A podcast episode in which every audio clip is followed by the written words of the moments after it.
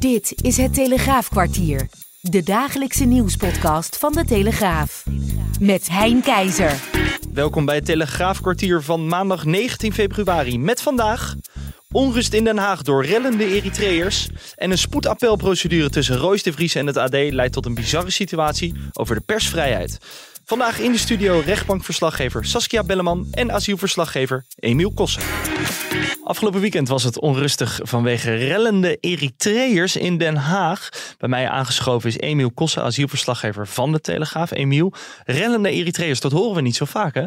Uh, nee, dat was voor veel mensen een, uh, een, een, verrassing. En toch, die Eritrese gemeenschap, daar is al langer van alles aan de hand. En mm -hmm. ja, daar passen rellen ook bij helaas. Ja, kan je uitleggen wat er precies aan de hand is binnen die gemeenschap? Nou ja, wat er precies gebeurt is afgelopen weekend, daar zijn ze echt nog heel erg uh, aan het kijken. In grote lijnen kunnen we zeggen dat uh, jongeren die tegen het regime in Eritrea zijn, ja. gingen vechten met, uh, met mensen die regeringsgezind zijn. En dan zou je denken, waarom wonen die dan allebei in, in Nederland? Hè? als die zijn gevlucht voor het regime, waarom? Ja, nou ja, waarom? dat komt omdat er door de jaren heen steeds nieuwe golven met, met Eritreërs deze kant op zijn gekomen.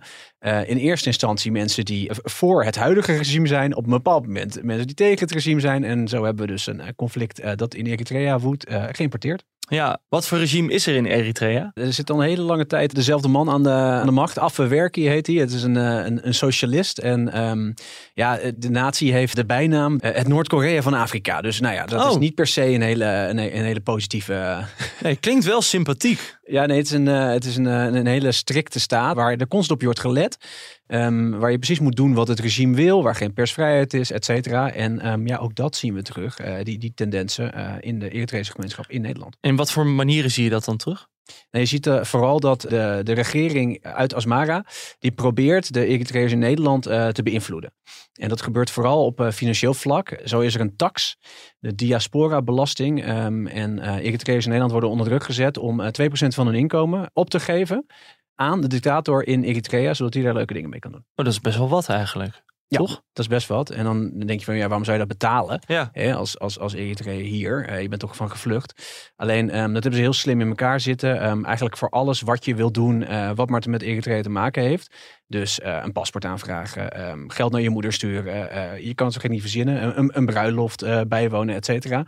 Dan zegt het consulaat of de ambassade zegt, ja, dat is leuk en aardig. Maar wel aftikken alsjeblieft. Het voelt bijna als chantage, maar ook als spionage vanuit hun kant. Chantage, ja, nou ja, je kan er allerlei, allerlei woorden aan, uh, aan verbinden. Mm -hmm. um, er zit wel wat spionage in, uh, want uh, ja, er zijn dus ook mensen die voor het regime zijn, ja. die in Nederland zitten. Ja, die kunnen dat dus melden bij, bij, bij Eritrese beambten. Van ja, ik weet weer iemand die, die, die tegen het. gebeurt het dus ja, ook? Die tegen onze, onze president is. ja, dat gebeurt. Um, wat ik van het COA ook hoorde, hè, de, de, de, de asielzoekerscentra. Ja. Um, daar zijn ze nu heel erg. Daar schromen ze nu om nog tolken in te huren voor, uh, voor Eritrese asielzoekers. Omdat ze niet zeker weten uh, of die tolk dan voor het regime is of niet. En uh, je kan je voorstellen, als je nu aankomt in Nederland, je bent gevlucht voor, voor die man. En je gaat met een tolk in gesprek, ja, die dus de voorstander van het regime is, dat je uiteindelijk daar weer gezeik mee krijgt. Of jouw familie, die nog in Eritrea zit. Hoe heeft het COA überhaupt gereageerd op deze rellen, op deze uitbarsting van geweld?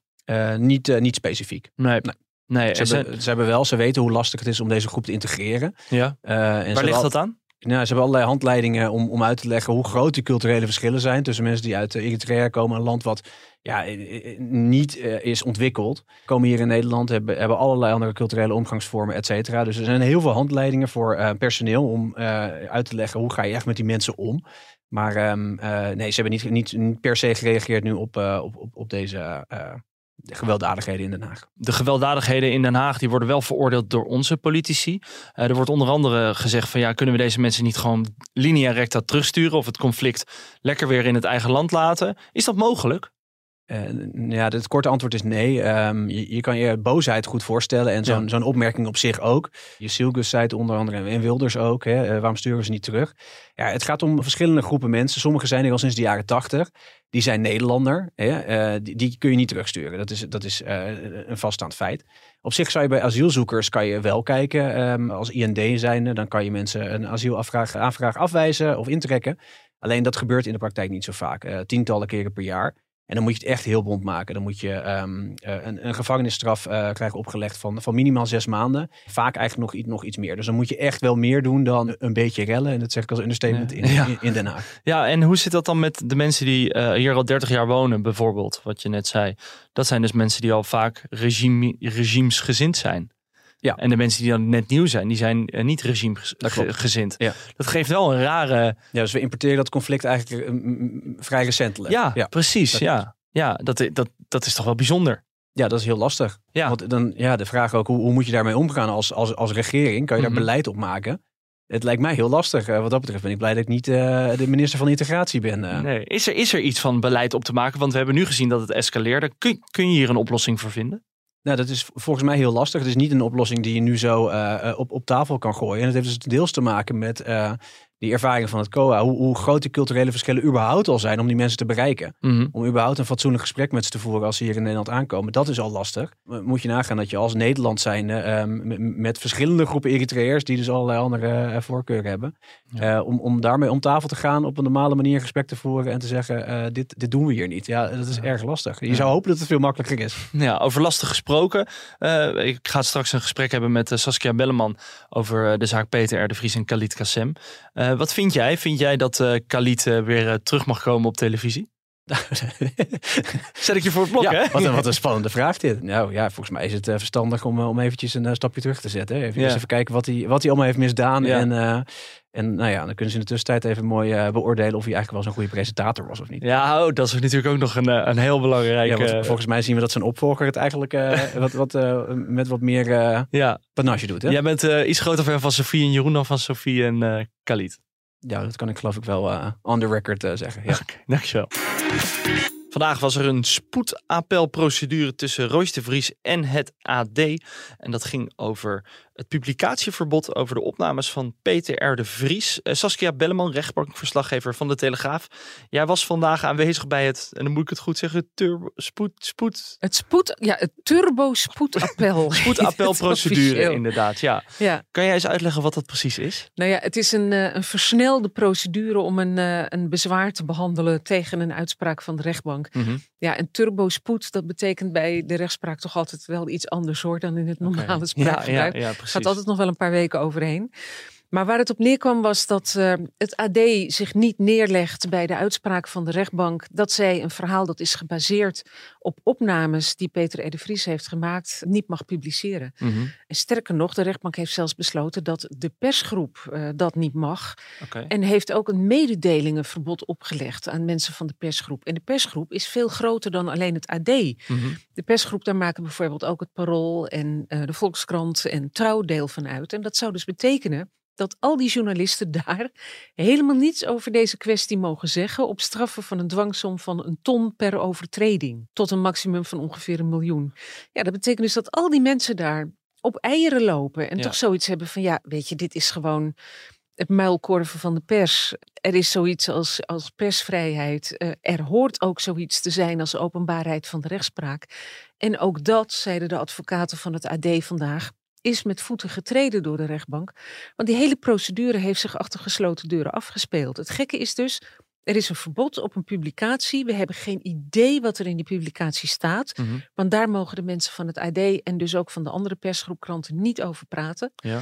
Het enige dat we weten is dat het waarschijnlijk, net zoals een eerdere publicatie van het AD over Galit Kassem, gebaseerd is op die, die gesprekken die Peter R. de Vries blijkbaar veelvuldig opnam. Ja, want daar is het balletje gaan rollen. Want ja. er zijn tapes gelekt naar het AD over vermeende afspraken die Khalid Kassem had met een van zijn cliënten uh, dat er geld mee gemoeid zou zijn. Het is allemaal ja. best wel schimmig. Er wordt ook niet ja. duidelijk gezegd, dit is het, dit is het niet. Nee, het is eigenlijk... Is dat het, al duidelijk Het verhaal geworden? is dat, uh, dat uh, Galit Kassem probeert zou hebben om een ambtenaar om te kopen... om een cliënt van hem eerder vrij te krijgen. Ja.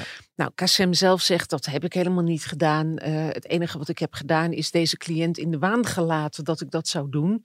Maar dat geld dat ik in ontvangst heb genomen... dat beschouwde ik eigenlijk als alvast een betaling op een hele grote open, openstaande rekening. Nou, ook dat is niet op deze manier toegestaan. Mhm. Dus hoe dan ook, beide dingen zijn tuchtrechtelijk uh, niet toegestaan. Mhm. Nou, dat, dat verhaal is ingeslagen als een bom. Het heeft ertoe geleid dat Galit Kassem voorlopig uh, de talkshow waar die, uh, waar die, nu, die die nu presenteerde samen met Sophie Hilbrand niet meer mag presenteren. Dus Jeroen Pauw die neemt dat voorlopig waar. Maar er zat dus een tweede publicatie aan te komen. Ja, en dat heeft Royce de Vries geprobeerd tegen te houden in eerste instantie dus ook uh, geslaagd. Want de rechtbank stelde hem in het gelijk. Zei van ja, de belangen die Royce de Vries heeft bij het niet publiceren... zijn groter dan de belangen van de persvrijheid. Wat zijn die belangen? Ja, en dat weten we dus niet. Ah. Dat is het vervelende. Dat is allemaal achter gesloten deuren behandeld, uh, zonder dat wij weten wat daar is uitgewisseld. En ja, toen we daarna vroegen aan journalisten van het AD van, uh, goh, hé, wat zijn nou die belangen?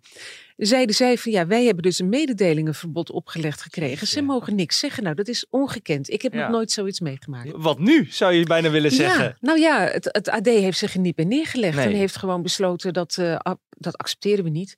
We gaan in appel bij het gerechtshof. En daar heeft dus vandaag die spoedprocedure gediend dient nog steeds, denk ik. Want ik mhm. ben op een gegeven moment, het is om tien uur begonnen. Ik ben om half vier smiddags de deur uitgerend om uh, hier deze podcast mede te kunnen opnemen. Gelukkig maar. Toen was het nog niet afgelopen. Dus uh, ja, wij weten eigenlijk niet wat daar. Uh, daar zal vandaag geen uitspraak worden gedaan hoor. Dat duurt nog een week, twee weken misschien. Maar het is duidelijk wat Roos de Vries wil eh, afdwingen met deze, met deze procedure. Maar is het bekend wat het AD precies wil? Het AD wil gewoon het verhaal kunnen publiceren. Okay. En kijk, op zijn minst ook kunnen praten over uh, wat er is uitgewisseld tijdens die behandelingen achter gesloten deuren.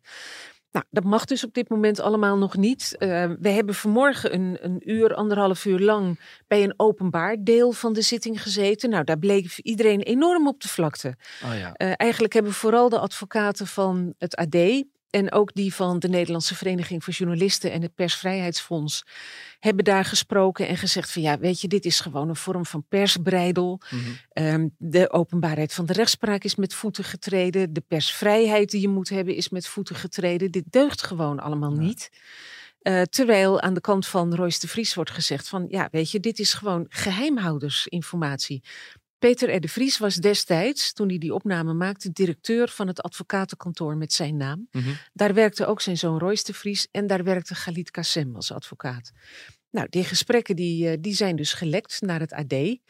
Uh, daarvan zeggen zowel de Amsterdamse Orde van Advocaten als Royce de Vries, dat is zogenoemde geheimhoudersinformatie. Alles wat advocaten onderling bespreken, bijvoorbeeld over zaken, valt daaronder. Dat mag je niet zomaar uh, openbaren. Mm -hmm.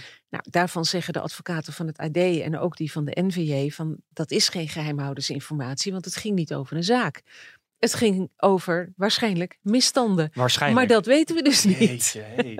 Dit is echt enorm gecompliceerd. Ja, dat is echt heel gecompliceerd. Ja. En dat merkte je ook aan iedereen. Want ja, op het moment dat de advocaten van het AD en de NVJ aan het woord waren, vielen de advocaten van Royce de Vriese weer in de reden door te zeggen: ho, ho, wat jullie nu gaan zeggen, dat mag je helemaal niet zeggen in het openbaar. Oh, oh, dat moet je oh. maar in, in beslotenheid doen. Mm -hmm.